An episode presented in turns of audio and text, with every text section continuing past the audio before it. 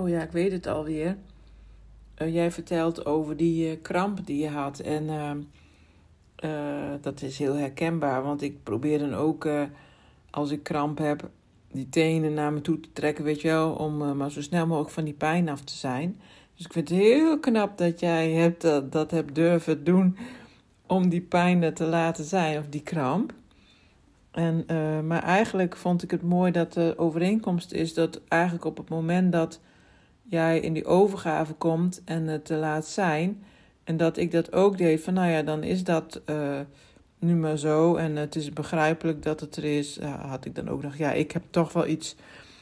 Jij hebt wat minder met dat uh, mind te gebeuren, geloof ik. Maar ik ben toch wel nog steeds een beetje gehecht aan mijn begrijpen en inzicht van de dingetjes. Of ja, dus. Um,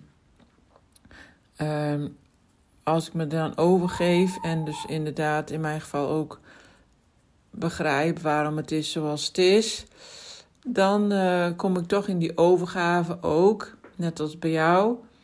En dan, uh, ja, ben ik dan toch weer in slaap gevallen. En ik had ook helemaal niet het idee dat ik een stap terugzette in uh, mijn proces of in mijn ontwikkeling hoor. Dat, dat niet. Het is gewoon dan opvallend dat. Um, eh, juist omdat ik het kon observeren. Maar ik zag dus wat er dan allemaal gebeurt. Van, oh ja, dus dan word je steeds negatiever en negatiever. En er komen allemaal dingen voorbij. Van, oh, je kan ook niks of weet ik veel wat. Dus dat kwam allemaal voorbij. Maar ik kon het nu observeren. En ik vond het juist eigenlijk uh, best wel mooi. Ik was vanochtend echt zo van, goh... Um, ik kon, ik kon er dus uiteindelijk naar kijken. Ook al was het een heel aantal uren helemaal niet fijn. Toch kon ik er naar kijken en uh, kon ik het observeren. En dat is echt uh, uh, winst. En dat geeft ook steeds meer vertrouwen en contact met mezelf. Ja, dus, dus eigenlijk al met al. Ik probeerde het ook niet te dramatisch te laten klinken, want ik, ik voelde ook niet als een drama, zeg maar. En over dat uh, voedingstukje wat jij zei, van, uh, of niet alleen met voeding, maar ik dacht even, ik had even de associatie met voeding, van dit moet je wel eten, dat niet. Of, nou, ik heb daar ook een hele weg in afgelegd. En ik denk dat ik daar altijd nog wel een beetje mee bezig blijf. Maar ik ben vooral, vooral omdat ik ook zo van die gevoelige darmen heb, weet je wel. Dat, eh, bij, ik reageer op het minste of geringste. Dus ik heb uh, zeker gezocht op wat is goed voor iemand en zo.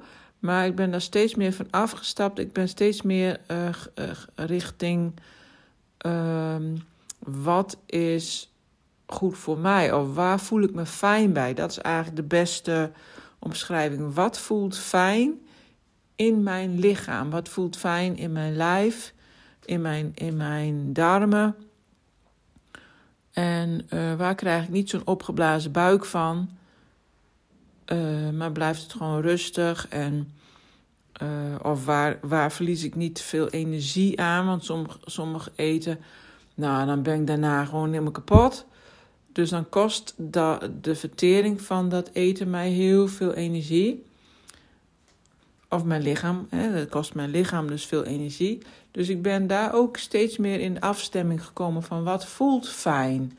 En waarom zou ik dan iets eten wat niet fijn voelt? Nou, dat is wel een dingetje, moet ik zeggen hoor. Want uh, ik prijs uh, alle goden en ik weet niet wie er allemaal zijn. Uh, dat ik niet meer in een team werk. Want daar heb je namelijk te maken met teamuitjes. Nou, en daar zitten dus teametentjes aan vast. En dan kiezen ze altijd een of ander uh, gemiddeld restaurant. Wat niet uh, de plaatselijke uh, snackbar is, maar ook niet een hoogstaand restaurant. Dus iets daartussenin. En dan staat daar nauwelijks iets op de kaart waar ik geen last van heb. En je snapt al wel dat je dan natuurlijk heel snel kan gaan denken van uh, nou heb je haar weer, die is altijd moeilijk. Het is altijd wel wat. Het is altijd anders. Weet je wel? En de, dat ik ga denken dat mensen dat over mij denken. Wat ze ook doen, dat weet ik gewoon zeker.